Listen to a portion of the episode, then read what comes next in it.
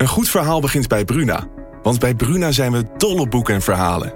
Verhalen zoals deze. De mist kwam uit de baai opzetten en besloop langzaam het Victoriaanse huis op Blake Street. Drong door de houten kieren naar binnen en bleef in dunne sliert in mijn kamer hangen. Ik lag te rillen onder het dunne dekbed. Wil jij weten hoe dit afloopt? Je leest het in In de mist van Golden Gate Park van Murat Isik. Nu bij Bruna.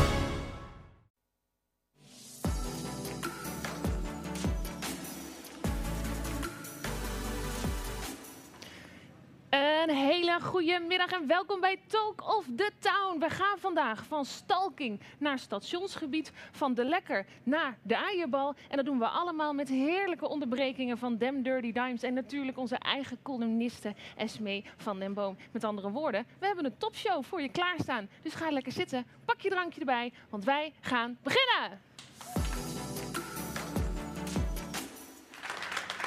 Oh, ik heb een heel lekker publiek hier. Wat fijn, wat fijn dat jullie er allemaal zijn. Wat fijn dat jij thuis er ook bent. Goed, de A van eierbal. De B van Butsen, de C van cement. Illustrator Nienke Siegers uit de stad Groningen heeft het Gronings alfabet bedacht. En eh, wij van de redactie, en Nienke ook, kwamen namelijk achter dat het nog helemaal niet bestond. Nienke, welkom. Hallo. Nou weet ik niet of het komt aan mijn soort van ja, Duitse opvoeding, maar sowieso dat hele Nederlandse alfabet is mij ook eh, niet heel erg bekend. Dus ik wist al helemaal niks van dit Gronings alfabet wat jij hebt eh, bedacht. Wanneer kwam je erachter een Gronings alfabet? Dat bestaat nog helemaal niet. Eh, ja, ik, was, ik ben aan het werk in de bibliotheek hier in de provincie Groningen, in Appingedam en in Loppersum. En daar nam ik afscheid in Loppersum.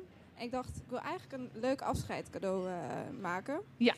Oh, jij maakt ik, afscheidscadeaus. Nou, dat niet. Maar omdat ik en illustratrice ben en ik werkte in de bieb, dacht van, misschien is het leuk om iets te gaan maken. Zeker. En eh, toen dacht ik van, ja, eigenlijk bestaat helemaal geen Gronings alfabet. Dus ik dacht, dat ga ik gewoon maken. Nou, ehm, heb je hem bij je? Ja. Dus wil je het even aan mij en aan onze leuke mensen hier even laten zien? Kijk, lieve mensen, dit is het. Ja, oh, prachtig. Daar mag best eh, voor geklapt worden. Jazeker. Ik ga heel even met je kijken hoor. De D van, wat staat daar? Dievendoortzie. Wat, wat. Wat betekent dat? Dat staat ook dat onder, staat maar. Dat, het, het betekent tijdsbedrijf. Oh, wat handig dat je het er ook onder hebt gezet. Ja, ik dacht dat is misschien wel, eh, als je het graag wil leren, dan... eh, Ja, ja, het is eigenlijk ook de bedoeling dat het ook voor kinderen was eh, bedoeld. ja. Dus, ehm, Maar ja. is het erg als ik, want ik wil het eigenlijk misschien ook wel.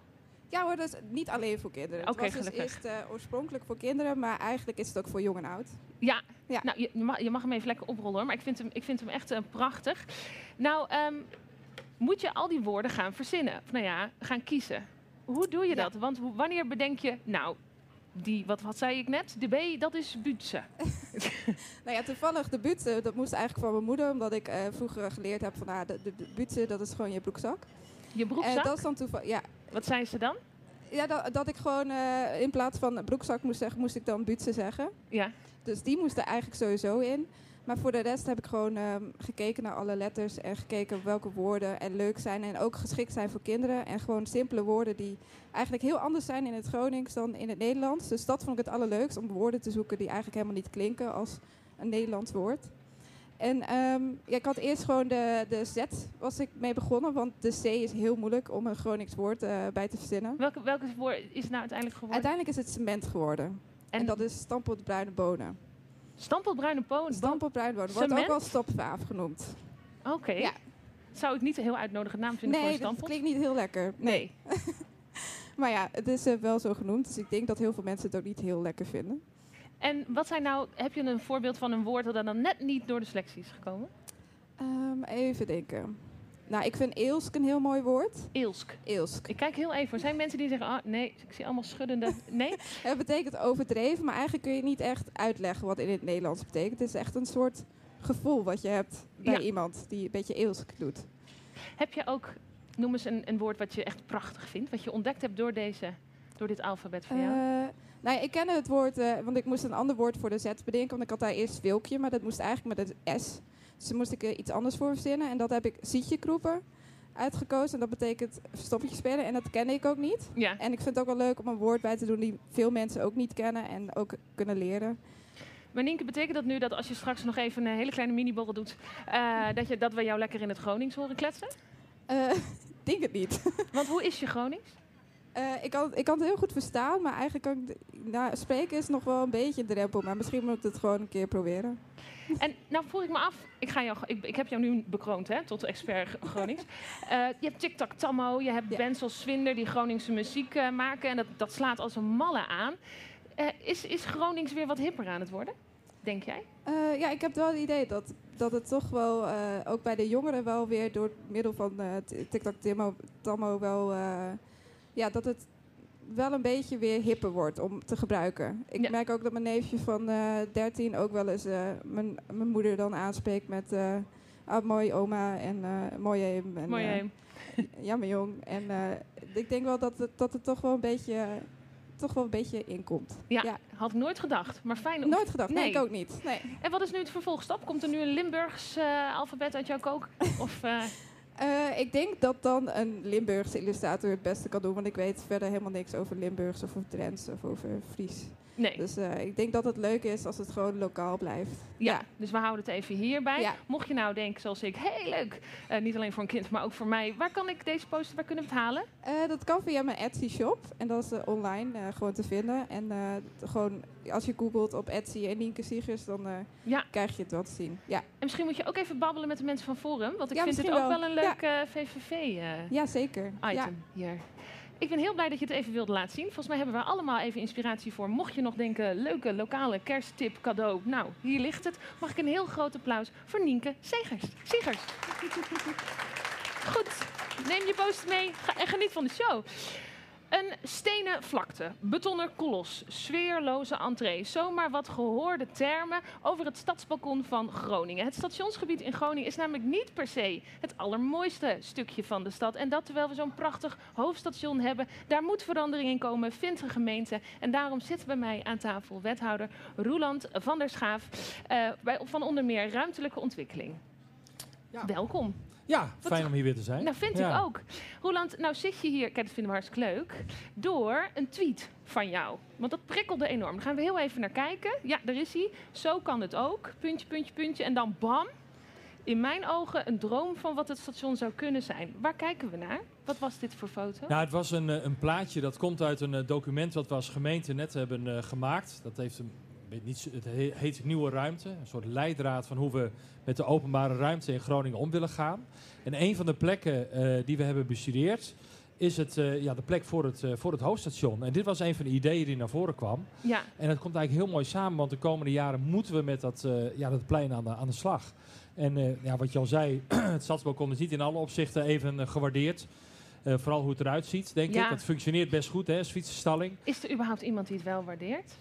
Ja, nou, ik moet wel zeggen, na die tweet, de meeste mensen waren heel enthousiast hierover. Maar ik kreeg ook wel wat kritiek, hoor. Er waren ook Ja? mensen die zeiden, er staan te veel bomen voor het station. Dat kan natuurlijk ook nog, hè. Dat is voor een- Oh, er staan ook te veel bomen op de Grote Markt, horen we ook nog wel eens. En nu nog te veel bomen voor het station. Maar Daar er waren ook een aantal mensen die zeiden van... eh, ja, die fietsenstalling functioneert eigenlijk hartstikke goed. Maar de meeste mensen waren heel positief. De- Zullen we nog heel even kijken naar zo'n foto? Want we Ja. hadden dus jouw tweet, vind ik eventjes, eh, namelijk voor mensen thuis en hier. Kijk, mag ik heel even handen omhoog? Wie wordt hier net als ik enorm warm van? Ja, fijn. Dan doen we ook even handen omhoog. Wie krijgt een beetje bloedende ogen van het stadsbalkon, hoe het er nu uitziet? Ja, toch ook wel. En een paar mensen met een lichte twijfel. Eh, goed. We, als we het even hebben over dat stationsgebied, Roland, gewoon even voor, voor mezelf. Wat valt daar dan allemaal precies onder? Nou, eigenlijk het hele gebied aan de voorkant van het eh, station. Hè, dus het stadsbalkon en het huidige busstation. Ja. Maar ook het eh, gebied daarachter. Hè, dus waar nu eh, één groot bouwterrein is. En waar in de toekomst, of in het verleden, een heel groot rangeerterrein was. Dat hele gebied, dat noemen wij het stationsgebied. En dat gaat eigenlijk de komende jaren enorm op de schop. Oké, We zijn op dit moment al bezig met het station zelf, het hoofdstation zelf. ja. Er komt een tunnel onderdoor, de sporen worden gekoppeld, hè, zodat het niet meer een kopstation eh, was zoals het was. Hè, dat je alleen maar kon overstappen daar. Je kan straks ook doorrijden. De trein stopt wel, maar je kan blijven zitten als je bijvoorbeeld naar het Europapark eh, moet. dat is Een fijn. enorme verandering, enorme verbetering ook voor het openbaar vervoer. Maar dat station, dat wordt echt een geweldig eh, gebouw. Maar dat is het al, het, hoofd, het, het hoofdgebouw, maar ook het, het, ja, het hele gebied knapt er enorm van op. Maar die gebieden daarachter, hè, waar nu dan eh, waar ooit het rangeerterrein was, Daar verschijnt eigenlijk een heel nieuw ja, stuk stad. Hè. De nieuwe, eh, eh, nieuwe muziekcentrum, de Oosterpoort. hè, De nieuwe Oosterpoort, de nieuwe Die poort. komt daar, daarachter. Die komt daar.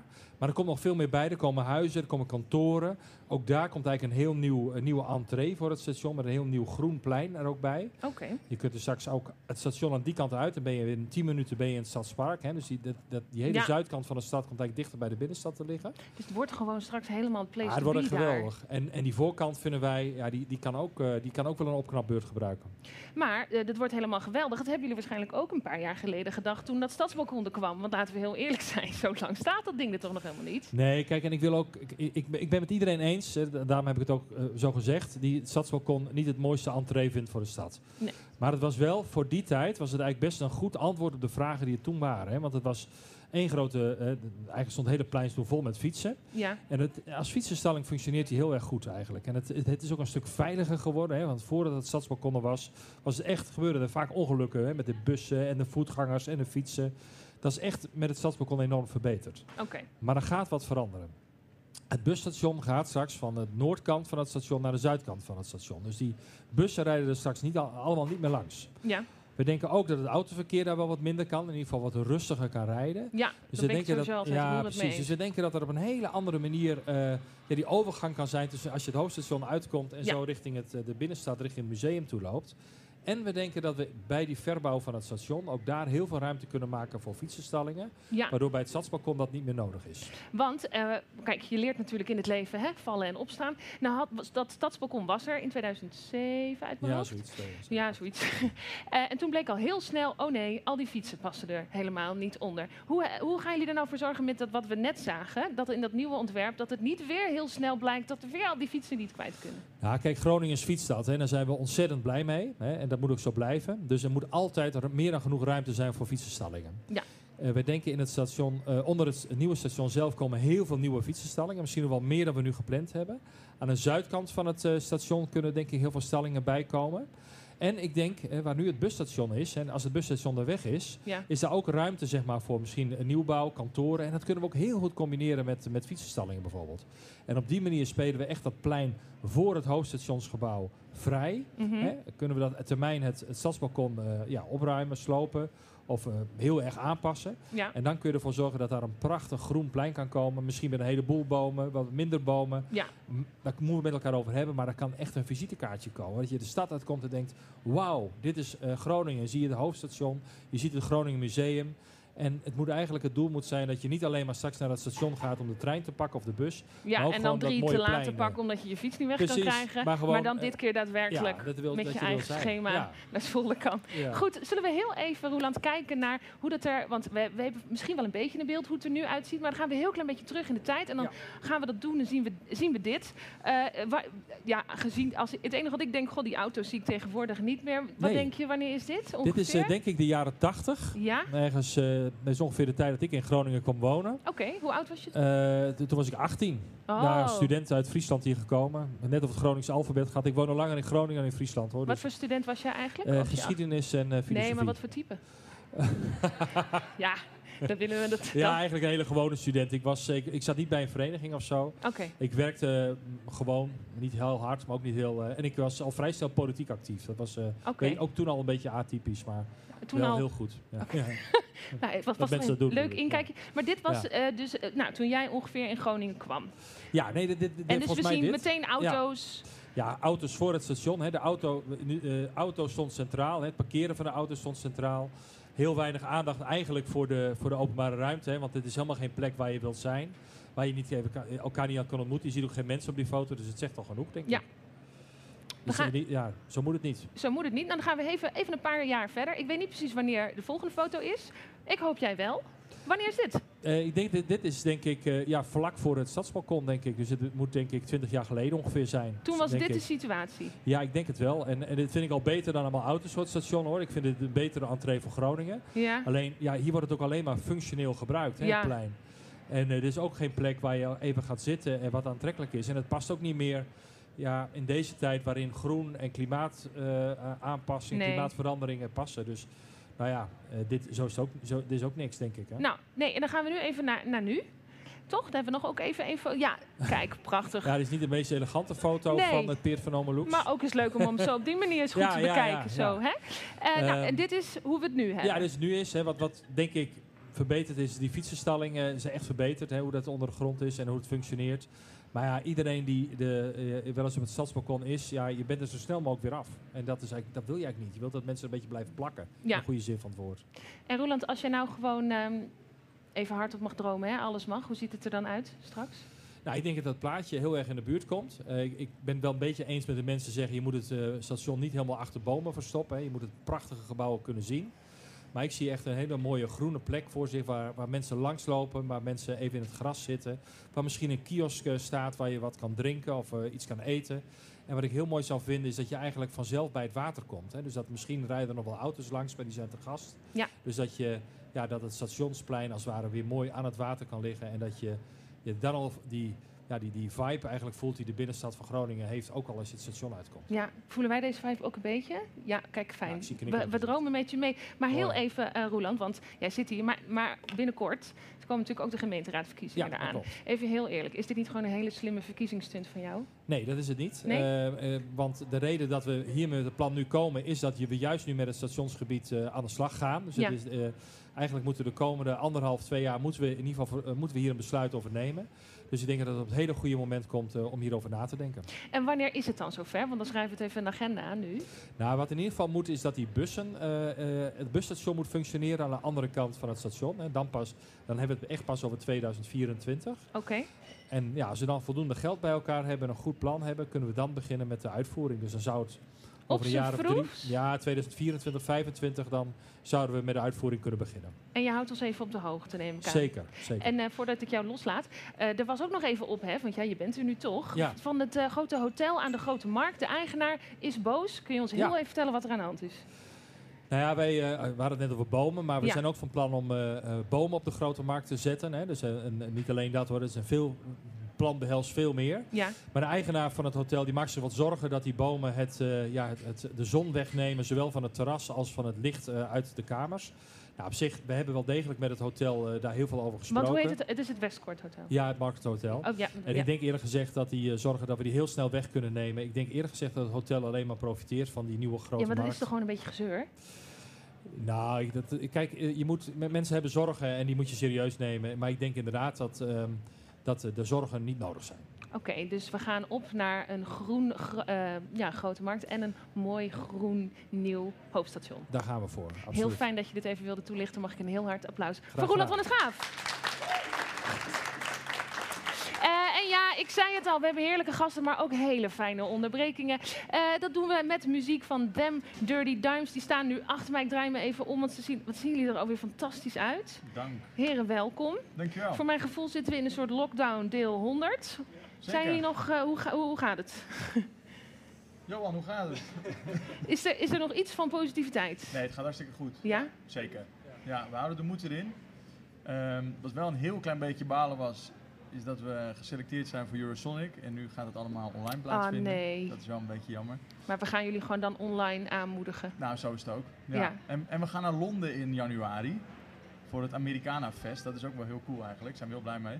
Ehm, maar de vraag is ook een beetje of dat doorgaat. Dus we zitten wel een beetje in spanning, maar het gaat wel heel goed met ons. Zullen we Ja. gewoon... Volgende week winterwelvaart en dat is wel heel erg leuk. Ja, Dus winterwelvaart gaat door en Ja. we doen ook alsof Londen, dat gaat gewoon gebeuren. Zo is het. Ehm Americana, is dat de muziek die jullie maken?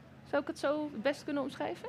Ja, ja, overal waar we komen maken we andere muziek. Maar Oké. Americana klinkt hartstikke goed. Dan gaan jullie hier nu ook muziek maken. Welk nummer gaan jullie voor ons spelen? We gaan een eh, oude traditional doen voor de, voor de verandering. Normaal doen we eigen nummers, maar nu eh St. James Infirmary. En wie hem geschreven heeft, dat weten ze nog steeds niet. Eh, maar eh, dit wordt onze vertolking.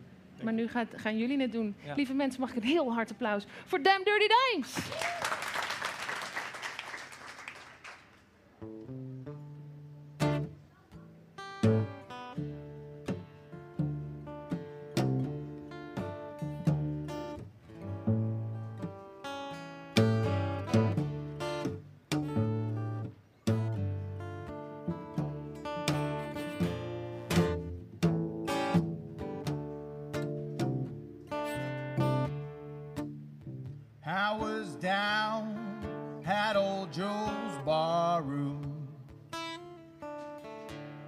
On the corner by the square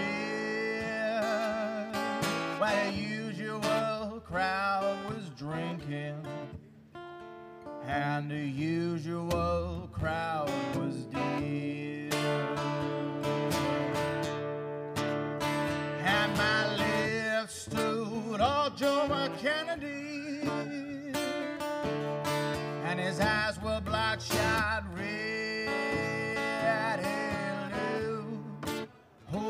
my shoulder, and these were the words he said.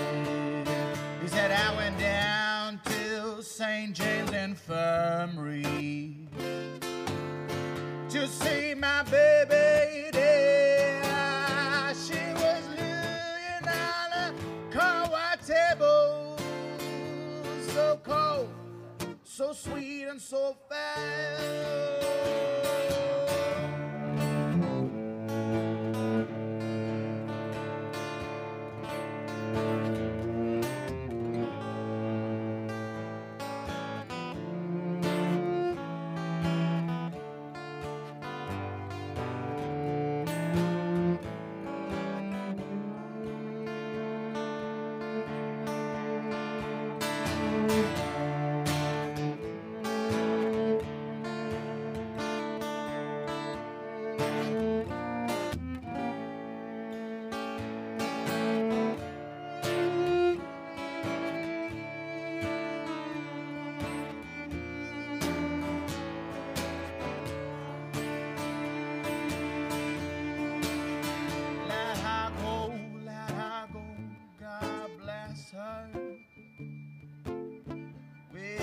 she made.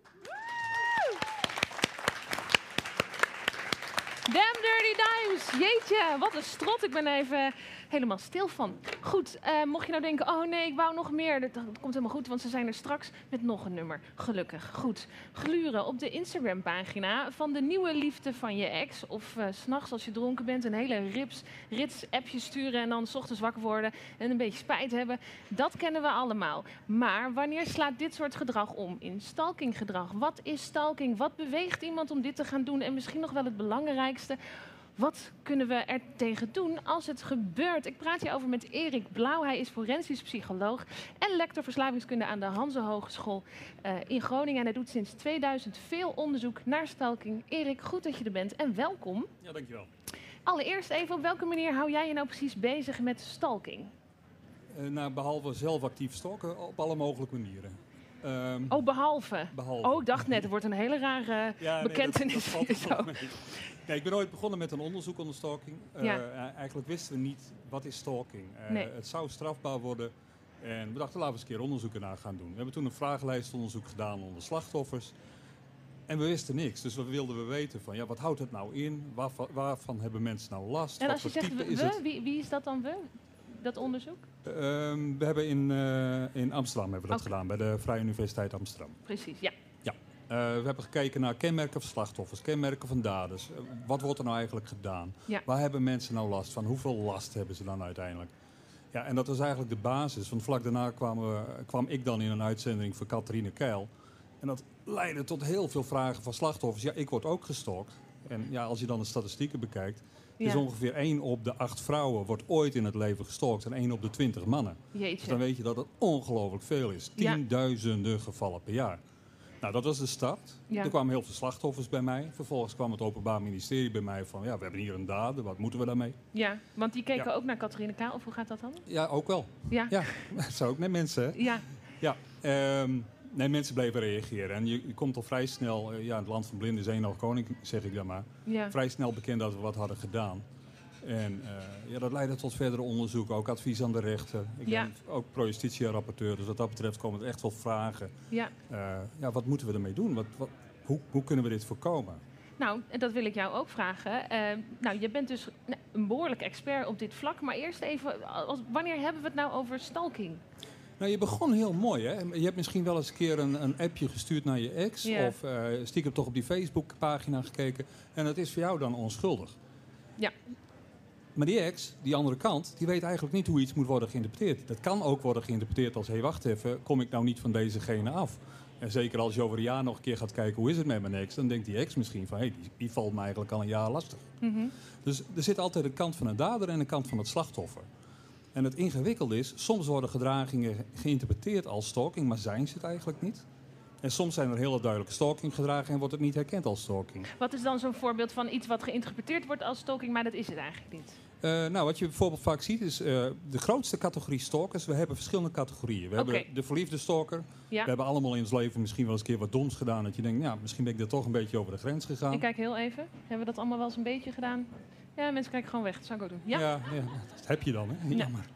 Ehm, dat, dat daar hebben mensen absoluut niet de bedoeling iets naars te doen bij een ander. Nee, die zijn verliefd, willen eigenlijk gewoon eigenlijk een relatie hebben. En daarom een beetje te ja, veel. weet je, wat doe je dan? Dan ga je een beetje in de buurt staan. Of eh, eens een keer kijken of je iemand anders toch eens wat meer in beeld eh, kunt krijgen. Dat die ander jou ook ziet. Ja. En dat kan die ander interpreteren als... hé, hey, wacht even, die wacht me op. En wat is dat voor eng iemand? Of weet ik veel. Dat is een ongevaarlijke categorie. Want als je dan zegt van... ja, eh, was niet de bedoeling. Iemand heeft er last van, dan stoppen mensen. Dan is het klaar. Is klaar. Ja. Dan is er een zeldzame categorie van sadistische stalkers. Die zijn er alleen maar op uit om iemand anders kapot te maken. Ik zeg gelukkig zeldzaam. Ja. Maar ze komen helaas voor. En, en wat dat betreft, om daar iets tegen te gaan doen... Ja, het enige wat we haast kunnen aanraden is ga onderduiken, ga verhuizen. Want wat doet zo'n sadistische stalker Nou, die dan? kan van alles doen. Die kan bijvoorbeeld op het moment dat je auto buiten staat... je remmen onklaarmaken. Dat je aan het rijden slaat en dat je je eigen, je eigen remmen niet eens meer kunt vertrouwen. Of apparatuur vernielen. eh, toch Maar binnenkomen. dan kan het toch zo zijn dat degene die je stalkt uiteindelijk helemaal niet meer leeft? Dat kan. Maar dat, Ja. dat lijkt mij dan weer heel onlogisch. Nou ja, dat is een foutje. En dan wordt het dan vanuit die sadistische stalker gedacht. Oh, Die heeft ook vaak meerdere slachtoffers. Oké, Wat je daar vaak ziet is dat het aantrekkelijke mensen zijn die gestalkt worden. Misschien beroemdheden. Ja. Omdat daar meer eer in te halen is om dat te kapot te maken. oké. Gelukkig een zeldzame Ja, categorie. gelukkig. Dan hebben we nog de waanstalkers. Dat zijn mensen die denken dat ze een relatie met iemand hebben... terwijl dat er absoluut niet is. Oké, En wat je ook probeert te overtuigen van... joh, ik heb geen relatie met je... En je kunt bij wijze van spreken besluiten om zo iemand in elkaar te slaan. Dat gebeurt dus ook regelmatig. om de stalker in elkaar te Om de slaan? stalker in elkaar te slaan. Die denkt dan, ja, dat is een teken van liefde voor mij. Ik moet dit doorstaan. En als ik dit doorsta, dan ontstaat toch eigenlijk die relatie. Er is geen enkel vlak... Niks tegen te doen in Nee. feite. Het enige wat je er kunt tegen kunt doen is langdurige behandeling. En zorgen dat mensen daar niet op reageren. Ja, De belangrijkste categorie is vooral die ex-partnerstalker. Mensen waar een relatie mee is geweest. Dat kan een intieme relatie zijn. ja. En wat zie je heel vaak als mensen een relatie beëindigen... eh, en daar zit er wel een verschil tussen mannen en vrouwen, moet ik zeggen... is heel vaak, nou, ik weet niet of we bij elkaar passen. Misschien is het beter elkaar even niet te zien... en elkaar toch even wat meer met rust te laten. Ja, Nou, als je dat verkeerd beluistert... ik heb twee keer het woord even benoemd. ja. Als je het verkeerd beluistert, zeg je van... oh, ik moet er dus bij blijven om in de toekomst wel die relatie te hebben. Terwijl wat diegene die het uitmaakt eigenlijk bedoelt van... nou, echt niet. Wat zie je dus? Ja, Bij die categorie helpt het heel erg duidelijk om duidelijke boodschappen te geven. Wij zullen nooit meer een relatie hebben. Het is Stop over met mij nu. lastig te vallen. Het is klaar. Ja. ja. En je zei net eventjes eh, tussendoor het verschil tussen mannen en vrouwen. Wat Ja, voor verschil? Vrouwen zijn veel socialer, mannen zijn veel horkeriger. Als mannen een nou relatie beëindigen, is horkeriger? het gewoon echt, het is klaar. Vrouwen zijn sociaal. Oh ja, dus we proberen dat nog een beetje soort van lief. Ja. Van nou, misschien moeten we vrienden blijven. En dat willen we dan helemaal niet. Ja, het Dat- botten van de mannen maakt het wel duidelijk dat ze minder, wat, minder vaak gestalkt worden. Dat speelt. Oké, Dus wat een hele belangrijke daarin is, is dat je in feite slachtoffers ook leert van kom nou heel duidelijk voor jezelf op. ja, Er zijn ook als je op eh, internet gaat kijken, met de politie hebben we echt een 12-stappenplan gemaakt. Daar staat dan, hoe ga je dat nou tegen? En een Ja. van de hele belangrijke zaken daarin is, wees heel duidelijk. Ja, want we hebben heel even zijn we gekeken naar types hè, van Ik ben stalkers. er nog niet hoor. Oké, nee, ja. Want die ex-partners zit er ook nog een categorie bij van, wie ben jij nou om mij in de steek te laten? Oh, wacht en eens, we daar doe je als, staker niet, al- als slachtoffer niet heel veel tegen, want die wil eigenlijk vooral wraak nemen. Ja, En dat is een heel andere categorie. En je hebt nog een type ex-partner die vooral denkt van ja, maar wacht even. Jij bent zo leuk, zo'n leuke vrouw, zo'n leuke vrouw vind ik nooit meer. Ik zal nooit meer iemand vinden. ja, En dat zijn eigenlijk veel meer de wanhopige types daarin. En wat je daar eigenlijk wil is dat de behandeling plaatsvindt. Want eigenlijk gaat het niet om het slachtoffer, maar het gaat meer om dat er iets van contact is. ja. Dus hoeveel hebben we nou gehad dan? Vijf Ja, categorieën. nou, eigenlijk globaal vier categorieën, maar die ex-partner die valt uiteen in verschillende motieven. En die ex-partner, zeg jij, dat is de meest voorkomende. Die komt het meeste voor. Heel veel helpt het daarbij om duidelijk te zijn in taal. Maar Ja. ook heel veel duidelijk maken van ja, wacht even. eh, het heeft voor mij nadelen als je doorgaat met stalken. Maar op het moment dat ik dit echt serieus ga nemen, ook met politie erbij en eventueel Ja. bereid ben tot vervolging, gaat het voor jou ook nadelen hebben. Ja. Ingewikkeld met, met ex-partners, zeker als het een liefdesrelatie is geweest en er kinderen in het spel zijn, ja, dan ben je toch een beetje tot elkaar. nou Ja, veroordeeld is een beetje de term. Mhm. Je hebt dat met elkaar contact. En ja, daar moet je wel helder afspraken over maken. Nou, ehm, hebben we het even gehad over categorieën Ja. en over de stalkers. Maar als we dan even teruggaan, of nou ja, we hebben het even over de gestalkte, het slachtoffer. Hoe kan je ons een beetje vertellen, wat hoor jij van slachtoffers? Hoe voelt het? Wat doet het met je om gestalkt te worden? Ja, het is ongelooflijk naar. Als we even kijken van wat stalker gemiddeld inhoudt, Ja. dan weten we dat het slachtoffer gemiddeld zes of meer gedragingen eh, tegenover zich krijgt. Eh, Dat, dat kan zijn gebeld worden, eh geappt worden, dat iemand zit te wachten, maar ook eh bossen bloemen ontvangen, eh, bestellingen ontvangen die niet zo bedoeld zijn. Dus meer dan zes gedragingen gemiddeld. Ja. Gemiddelde stalking duurt vijf jaar. Vijf jaar. Vijf jaar. Ongelooflijk lang dus in feite. Eh, wanneer stopt het in het algemeen als mensen heel duidelijk zijn? Wanneer stopt het als politie, justitie wat in beeld komen? Maar ook dan zien we nog wel eens een categorietje doorgaan. Wat weten we verder van de slachtoffers? Driekwart van de slachtoffers kampt toch met behoorlijke klachten. Wat voor klachten? Eh, posttraumatische stress, veel angstklachten, paniekaanvallen, eh, 's s'nachts eh, nachtmerries hebben. stress overdag, bepaalde plekken niet meer heen durven omdat er misschien iemand zal zijn. Ja. Drie kwart, en dat is ongelooflijk veel. Nou, als je dat dan zo bekijkt, is er ook, en dat is wel een hele belangrijke vind ik. wat we zien is dat nemen van veel voorzorgsmaatregelen, preventiemaatregelen, dat je gestalkt wordt, leidt alleen maar tot meer last. Oké. Want mensen hebben zoiets van, heb ik nou alles wel bedacht? Kan ik niet nog meer bedenken? Dat leidt veel meer tot angst. Eigenlijk belangrijk is zo duidelijk mogelijk te zijn welke boodschap er ook de hele tijd moet worden gegeven richting stalker. Het is klaar. Het is Ja. afgelopen en als je nou doorgaat, ga ik toch een stapje hoger. Ga ik aangifte doen. Dus eigenlijk, wat je al eerder zei, moeten we misschien met z'n allen wat meer denken en communiceren als een lompe man. Als een lompe man. Als ja, een lompe man. absoluut. Ja. Doei. Nee.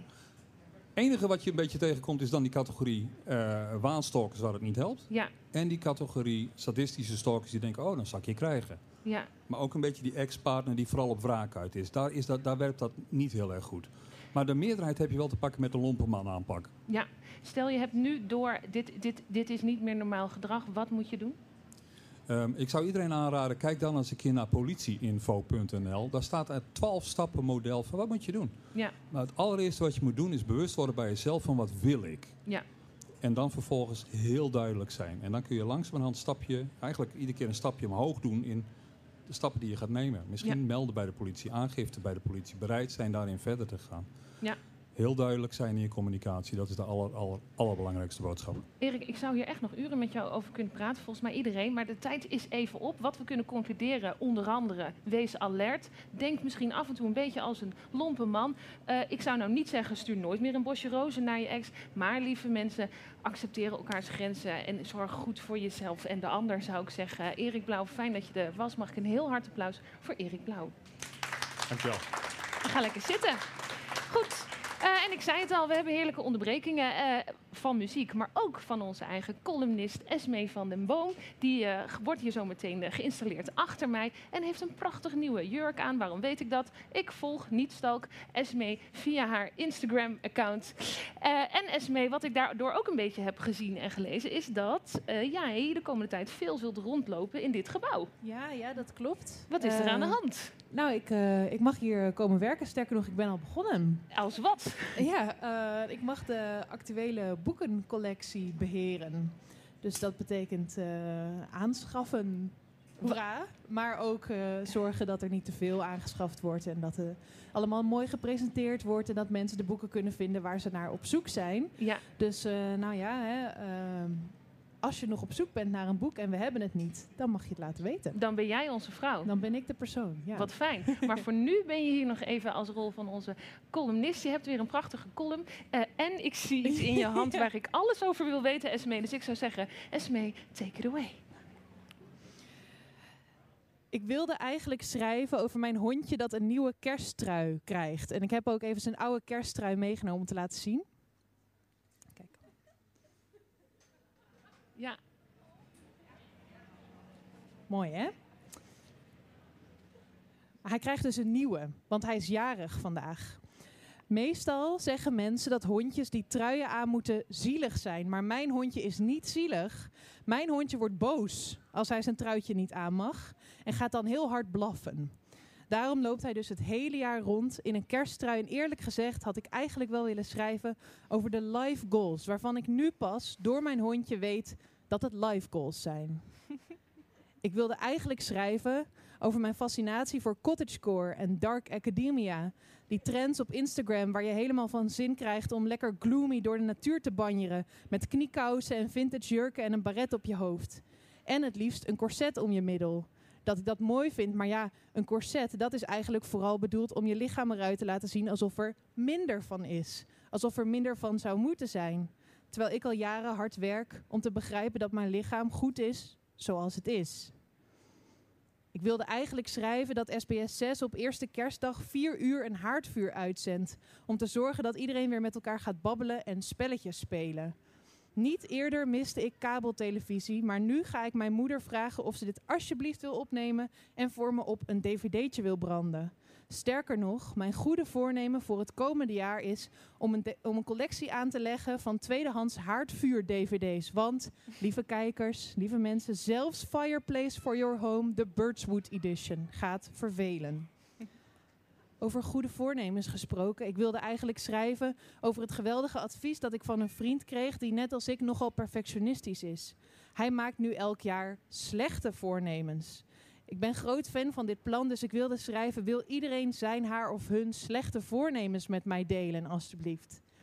Over slechte voornemens gesproken, ik wilde eigenlijk schrijven over de jeugdzorg, die nu, als het aan wethouder Isabelle Dix ligt, voor een groot deel onder het toch al overvraagde wij Groningen moet gaan vallen. Oh ja, en ik wilde eigenlijk schrijven over de manier waarop zelfstandig psychiaters door zorgverzekeraars onder druk worden gezet om gedeeltelijk in dienst te gaan, een onmogelijke eis. Daardoor wordt voor hun 60.000 patiënten de behandeling volgend jaar duurder of zelfs onmogelijk. En dat gaat vaak om mensen met complexe klachten die niet of onvoldoende worden behandeld bij GGZ-instellingen. Maar dat is nogal ingewikkelde materie en dat past niet in twee minuten. Maar dan zijn jullie even op de hoogte, er is een petitie gestart. Ik wilde eigenlijk schrijven over hoe ik zo heen en weer ga, al weken, van verdriet naar vrolijkheid, van boosheid naar blijdschap. Dat wilde ik allemaal nog schrijven. En dat ik hoop dat het goed gaat met jullie allemaal, ondanks alles. Dat ik ons allemaal het licht en de lente wens, of op zijn minst een kersttrui. Dat wilde ik eigenlijk schrijven. dankjewel Esme. Die we dus eh, nog vaker gaan zien. Goed, eigenaar en chef Steven Nijenhuis van Herberg Onder de Linden... die zit bij mij hier aan tafel. Zijn keuken is dit jaar eh, nieuw binnengekomen op plek 69 van het blad Lekker 500. En Steven is een van de vier chefs in Groningen en in Drenthe... die volgens dat blad, Lekker 500, behoort tot de 100 beste eetgelegenheden van Nederland. Welkom. Dankjewel. Wat goed dat je er bent. Ja. Zit je hier nou eigenlijk omdat, je, omdat er een lockdown is en anders stond je in de keuken? Ja, eigenlijk wel, ja. Dus, dus dit is een van de kleine mini-voordeeltjes voor mij en voor ons dat je hier dan bent. Ja, Aan nou de- ja, de lockdown heeft sowieso voordeeltjes natuurlijk. Wat dan? S'avonds vrij zijn. Ja, hé, hey, dat is lekker. Ja, ja. Ja, ik ben het zo meteen. Jij bent het lekker nu al. Eh, nou, allereerst gefeliciteerd met deze plek in die top 100. Dankjewel. Wat betekent dat nou voor jou? Nou ja, je moet het niet groter maken dan het is, maar het is leuk. Het is leuk. Het is leuk. Ja. En is dat dan omdat je een nuchtere man bent en eigenlijk heel leuk? Of is het echt niet meer dan leuk? Nou ja, ja, ik ben een nuchtere man. Ja? En eh, kijk, weet je wat er vooral leuk aan is? Het helpt gewoon je zaak vol te krijgen. Want het belangrijkste is dat je zaak vol zit. En Ja. daar, ben je, daar, daar kook je voor. Weet je, je, je, je loopt in de zaak, je praat met je gasten, mensen zijn blij.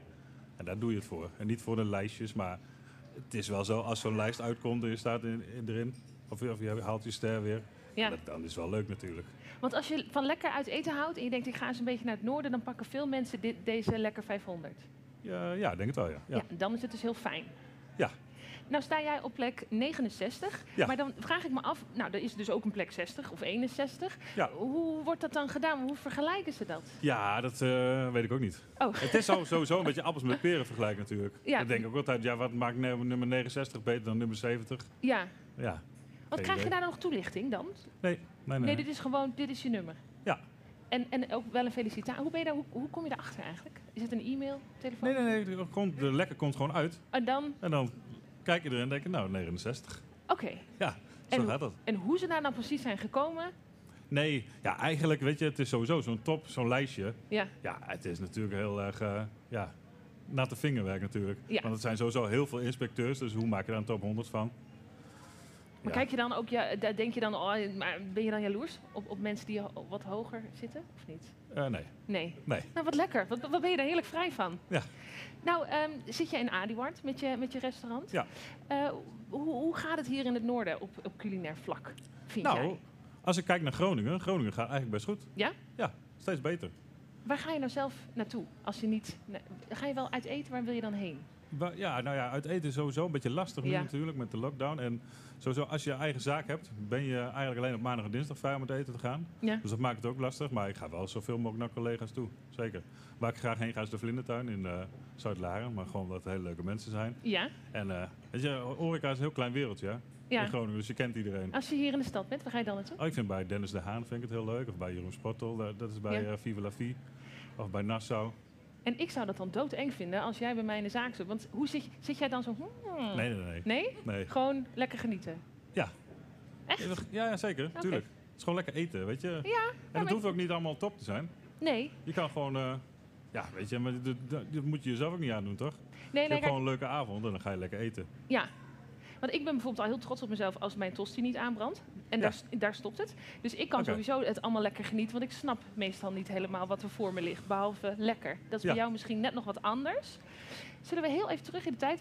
Ik, jij, was, jij begon als afwasser. Je hebt volgens mij niet een officiële koksopleiding gedaan. Nee, Toen ben je- autodidact, zoals dat heet. Dit- Nou ben je echt autodidact. Ja. En toen ben je begonnen. ehm, en al, nou, in hoeveel maanden kwam er een Michelinster? Nou, ik begon toen eh, bij- restaurant in de Molen. Dat Ja. is eh, negen jaar geleden nou. En ik begon in januari. En toen de sterren uitkwamen, en dat was november. Toen kreeg ik ster. Dat dus is dat is eh, tien maanden. tien maanden. Ja. En dat is heel snel. Ja, dat was wel snel, ja. Hoe krijg je dat voor elkaar? Ja, dat weet ik ook niet. Nee, ja, ik weet wel Ja, je moet gewoon heel hard je best doen. Ja. Maar dat was een hele grote verrassing, hoor. Dat Ja. had ik nooit verwacht. We- want hoe gaat zoiets eigenlijk? Ja, nou ja, ik ben gewoon begonnen. Ja. En ik dacht, nou ja, weet je, gewoon lekker koken en zo, zo goed mogelijk doen. Ja, En eh, ja, ik, hou- ik wist wel dat Michelin geweest was, want je, dan, je merkt het wel als ze in de zaak zitten. hoe merk je dat? Hoe, ziet Nou. dat? Ik weet echt niks, hè? Hoe dat, Nee, hoe nou dat- kijk, maar Michelin, dit, dat is Benelux, dus de inspecteurs komen vaak uit België Oké. en ze zijn altijd alleen. Dus als jij in Groningen onder de Dam zit er komt een Belg alleen bij je eten, dat is wel redelijk verdacht altijd. In Aardwoud ook trouwens. Ja, Dus ja, meestal merk je wel als, als ze in de zaak zitten. ja, Maar weet je, je hebt gewoon een Michelin-gids, daar kan je een vermelding in krijgen. ja. Meestal krijg je niet direct een ster. Maar heel even. Dus je denkt, hé, hey, eh, een alleenstaande Belg. Nou, Ja. dit- en dan? Hoor, ga je dan helemaal... Ik zou in paniek raken? Of hoe ging Ja? het met jou? Eh, nou ja, nee. Het is altijd wel spannend. Ja. Ik heb toevallig eh, een maand geleden waren ze in Aardewaard. Ja. Ze komen elk jaar wel langs. Hè? Oh, oké.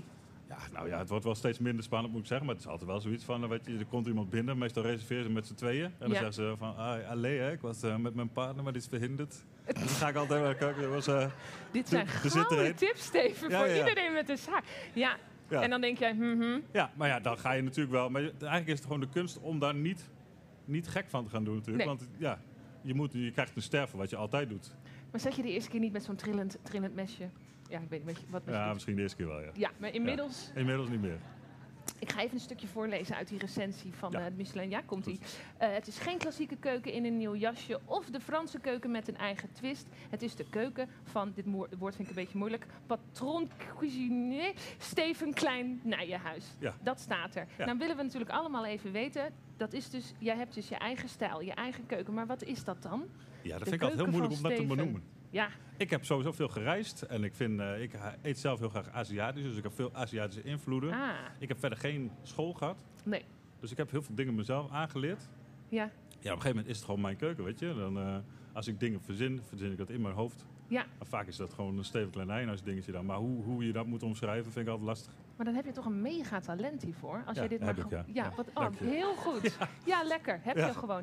Eh Steven, ik dacht, nou ja, omdat ik dus eh, altijd al best wel trots ben op mijn tosti die lukt. Ja. eh, ik heb wat foto's gepakt van de website. Van mijn je- website? Ja, van jouw website. Wil je mij en andere mensen... Kijk, Ja, dat is een mooi gerechtje dit. ja, maar Ja. Ik, ik, wat is het? Dit is, oh ja, dit is octopus. Maar Oh. we hebben er eigenlijk de coq au vin hebben we dan met octopus gemaakt. Dus we hebben een octopus eh, heel langzaam gegaard in rode wijn. Ja? Daarbij wat krokante kippenhuid. Er zit een klein jelletje van sambay bij. Sambay is een Japanse azijn. Die Is maakt dat het jelletje wat je er nu op... Nee, nee, dat zijn Oh. die stipjes die je daar ziet.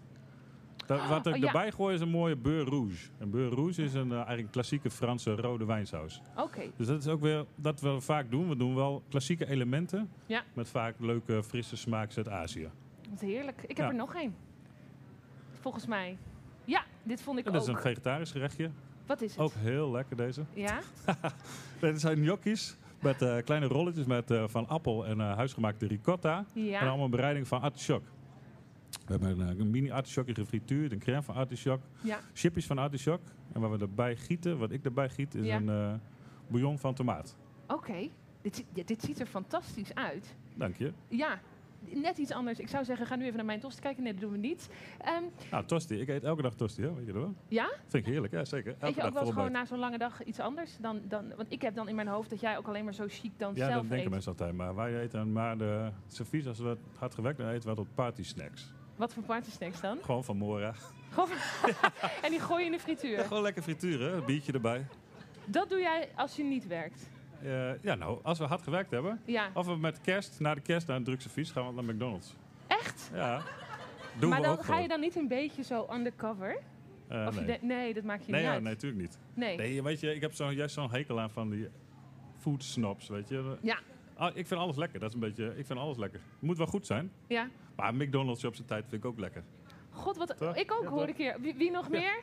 We zijn nu toch allemaal eerlijk. Kijk, ja hoor. Oh, heel weinig. Nou. en wie wil een keer met Steven naar de McDonald's? Ja, hartstikke Oh, dat zijn er meer, ja. Dat leuk. zijn er meer. Nou, heb jij allemaal dingen zelf geleerd? Ja. En ik ben iemand die absoluut... Ik kan het echt niet. Ik snap het ook niet helemaal. Ik vond het een beetje spannend om met jou te kletsen. Nou, dat viel meteen weg. Wat is nou een tip van jou voor mensen die denken... Oké, ik zou echt wel wat meer willen koken en snappen ervan. Hoe begin ik? Ja, hoe begin je? Nou, wat, wat het allerbelangrijkste is als je kookt, dat- je in een restaurant ook doet, is voorbereiden. Ja. Dus je moet, niet, eh, je moet een plan hebben. Dus je Oh, moet niet beginnen van, eh, ja, heel veel mensen, maar dat zie ik altijd heel vaak, maar dat zie ik thuis met mijn vriendin ook bij mijn moeder. Die zijn gewoon, die gaan beginnen, weet je, beginnen al te bakken terwijl dingen nog niet gesneden zijn. En dan raak ze in paniek en dan, gaan dingen aanbranden. Je Ja. moet zorgen dat alles klaar ligt. Zo. Ja. Dat is de mise en place, dus zo doen we dat op het werk Hoe ook. heet het? De mise en place? Zo heet het als alles van tevoren klaar ligt. Ja, ja, dat is wat je overdag doet in een restaurant. De, de map eh, noemen we dat. Oké. Mise en place. Ja. Zorg gewoon dat alles klaar ligt. Alles is gesneden. Alles is al gegaard wat gegaard moet worden. Ja. En als je dan je gasten thuis krijgt, weet je, of, of in het restaurant, Ja. en het moet mee, Ja. dan heb je alleen de laatste handelingen. Ah, dus Dus als, maak een plan. Dat is, Maak een dat is plan. het belangrijkste, ja. is het dan ook zo dat als dat, als dat bij jou dan niet klaar ligt, dan begin jij ook gewoon niet? Ja, nou, ja, maar kijk, op een gegeven moment kan je koken, dus dan heb je gewoon volgorde. Ja. Ik ga niet beginnen met het vlees aanbakken als, eh, als eh, de groenten nog niet gesneden zijn. En eh, nou zit jij hier heel relaxed. Sta je alleen in de keuken? Nee, nee, nee. Ben jij ook zo, zo in de keuken? Ik ben wel een relaxte chef, maar dat heeft, Ja? is ook gegroeid hoor. Ik ben wel, eh, ik ben nou 43, Ja, dus daar word je ik word relaxed steeds van. relaxter. Ja, zeker. Oh, wat een goed vooruitzicht. ik heb ook meer personeel. Hè. Ik heb een hele goede chef ook, Ja, dus dat is ook fijn. ja. Dus ik hoef het ook niet allemaal meer alleen te doen, maar ja, weet je, ik krijg wat minder stress. Vroeger, toen ik net begon in de molen, Ja. toen ik die ster haalde, het eerste jaar was wel hectisch, was Ja. wel heftig. Als ik erop terugkijk, dan ook met personeel. En is het nou echt zo'n, eh wat dat hoor ik ook wel eens, echt een mannenwereld, die keuken? Eh, ja. Ja, Nog eigenlijk steeds. wel. Ja, nee, ik heb wel vrouwen in de keuken gehad. Mhm. Maar het is voornamelijk mannen. Ja. Ik, wil nog even, ik heb nog even twee vragen voor je. En dan eh, kun je nog even lekker hier borrelen. Ik Ja. hoop voor jou dat we een party snack hebben trouwens. Ja, ja. Ehm, Ik ga er wel vanuit eigenlijk. Nou, nou heb je wat goede tips voor mij. Wat is nou een van de beste kooktips die jij hebt gekregen? De beste kooktip die ik heb gekregen? Ja? Oeh, dat vind ik een goeie- moeilijke vraag. Of een hele goede? Qua tips? Ja? Eh, Want je hebt het jezelf allemaal geleerd. Ja. Nou, kijk, weet je, ik, ik heb mij geleerd gewoon door te kopiëren eerst. Ja. Ik ben gewoon onderaan begonnen. Ik ben begonnen als afwasser in, een, in een strandpaviljoen. Nou ja, en toen kwam ik zo per ongeluk in de keuken terecht. Eh, eerst als bijbaan en dan had ik ook nooit gedacht van, ik ga echt kok worden. Maar ja, ik merkte gewoon dat ik er wel goed in was en ik werd er steeds beter in. Mhm. Ja, op een gegeven moment toen dacht ik van, ja, ik wil graag echt goed worden. Toen ben ik gewoon bij heel veel mensen gaan eten, gaan lezen. Kookboeken, veel, veel kookboeken gelezen en ook veel dingen gekopieerd, Mhm. als ik eerlijk ben. Ja. En eh, ja, Dus het gaat eigenlijk niet zozeer om één tip die je hebt gehad, maar je bent gewoon lekker gaan nadoen en het je eigen maken. Ja, op een gegeven moment dacht ik, weet je, als ik dit ga doen, Mhm. dan wil ik ook gewoon goed in worden en dan, eh, Ja. dan ga ik ervoor. Nou eh, staat de kerstdagen, feestdagen voor de boeg. Ja. Steven, wat staat er op het menu? Ja, nou het is een beetje lastig natuurlijk, want eh, we Ja. gaan s'avonds dicht. Ja. Dus we hebben wel een lunch. Oké. We hebben een kerstlunch, dus eigenlijk doen we het diner overdag. En dat loopt hartstikke... eruit? Eh, Qua eten? qua menu? Ja? Oh, we hebben heel lekker menu. We, beginnen met hamachi en caviar. Ja? Lekker, nou, kerst is altijd luxe, hè? Ja. Lekker luxe. Mhm. Hamachi caviar, daarna hebben we een stukje tarbot met truffel. Daarna hebben we zwezerik met rendang en, en eh, groene mango. Ja. En als hoofdgerecht duif, anjou duif. Oh, wauw. En dessert, eh, eh, wat hebben wij? We zijn toevallig, we hebben net besloten er net om mee het, bezig. ja, ja, om, om, de, om het diner te skippen en de lunch. Ja. Dus we gaan hem iets aanpassen. Maar het was iets met volgens mij manjari chocola en ma- en mandarijn. Lekker ding. En daarnaast hebben we een box. En dat is een goede inspiratie ook voor ons als we denken we willen ook de lunch doen. Nou, ik kan het, als we het over namaken hebben, dit, dit doet Steven. En heel even, als jij dan klaar bent en het is kerst en thuis, wat Ja. staat er dan op tafel? Ja, kijk, nu ben ik s'avonds thuis. Ja. Dus nou, eh, ik heb een box. Dus ik ga nou gewoon mijn eigen box meenemen. Oh. Lekker makkelijk. Ja. En, eh, ja. en voor de rest, weet je, normaal eh, werk ik gewoon s'avonds met kerst. En dan gaan we derde kerstdag. We hebben al de derde kerstdag, of de dag na kerst. Ja, gaan we altijd bij de familie. En dan kookt mijn moeder altijd. Dus, maar dat is altijd heel simpel. Maar prima. Prima. Ja. Ja, maar toen vind ik niet zo moeilijk, hè? Nee. Mensen denken altijd als je, als je een sterrenzaak hebt, dat je elke dag gewoon eh, kreeft en, eh en zulke dingen eet. Ja, dat dacht Maar ik. ja, maar dat is niet zo. Nee, daar ben ik helemaal van teruggekomen. Ja. De Nee, maar weet je, wij hebben gewoon personeelseten. Dus wij eten lekker pastaatje, lasagne, of eh, nasi, of gewoon Ja. normaal. normaal. Steven, ik vond het veel minder spannend dan ik dacht Ja, om met zo'n topchef te praten. Ja. Ik vond het heel fijn dat je er was. Drink nog even lekker je drankje. Ja. Maar voor nu mag ik een heel hard applaus voor Steven. Ja, Nee, dankjewel. Ga lekker zitten. Goed, en ik had het al gezegd, die fantastische muziek die we eerder hoorden, dat gaan we nog één keer naar luisteren. Volgende week zit ik hier niet alleen maar met de leuke, fantastische Nathan. En dan is namelijk de voorlopig laatste aflevering van Talk of the Town. Maar dat moeten we vieren, dus kom lekker hier of ga er ook lekker goed voor zitten. Thuis, het wordt een feest. Heb zo meteen een fantastisch weekend. Doe wat met alle tips die je hier hebt gehoord. Maar voor nu, thuis, maar ook zeker hier, laat je nog één keer heel hard horen voor Damn Dirty Times.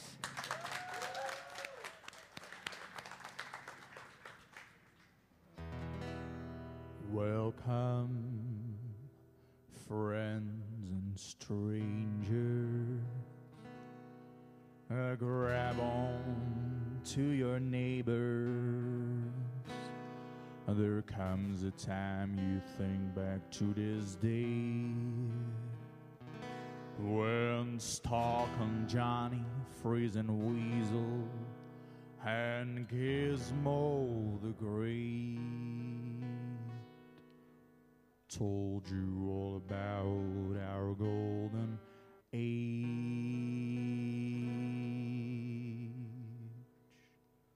Talk of the town, are you ready? Are you ready? With criminals and politicians, bankers, liars, mathematicians, and how we make these days go by. So keep on preaching to the choir, all you bankers and liars. There's no truth, it's not for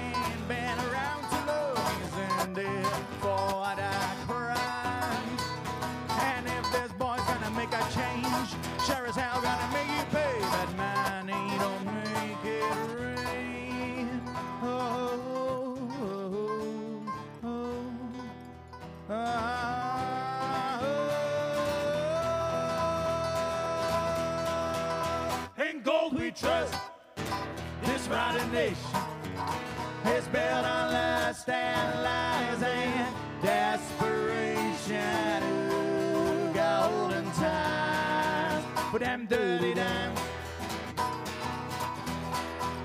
We know they're guilty, they're filthy, they are a danger to our lives.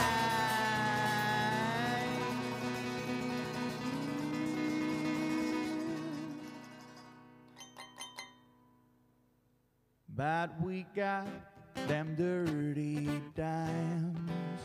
But we got them dirty dimes.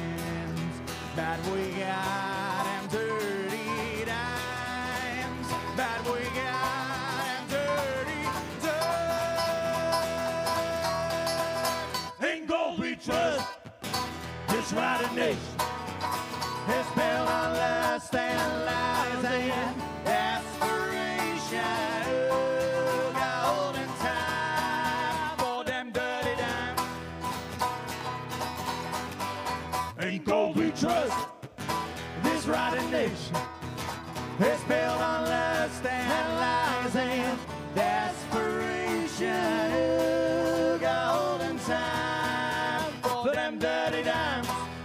For them dirty dimes. Come on, me.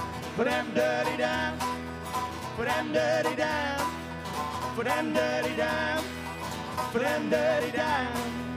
For them dirty dimes. For them dirty times.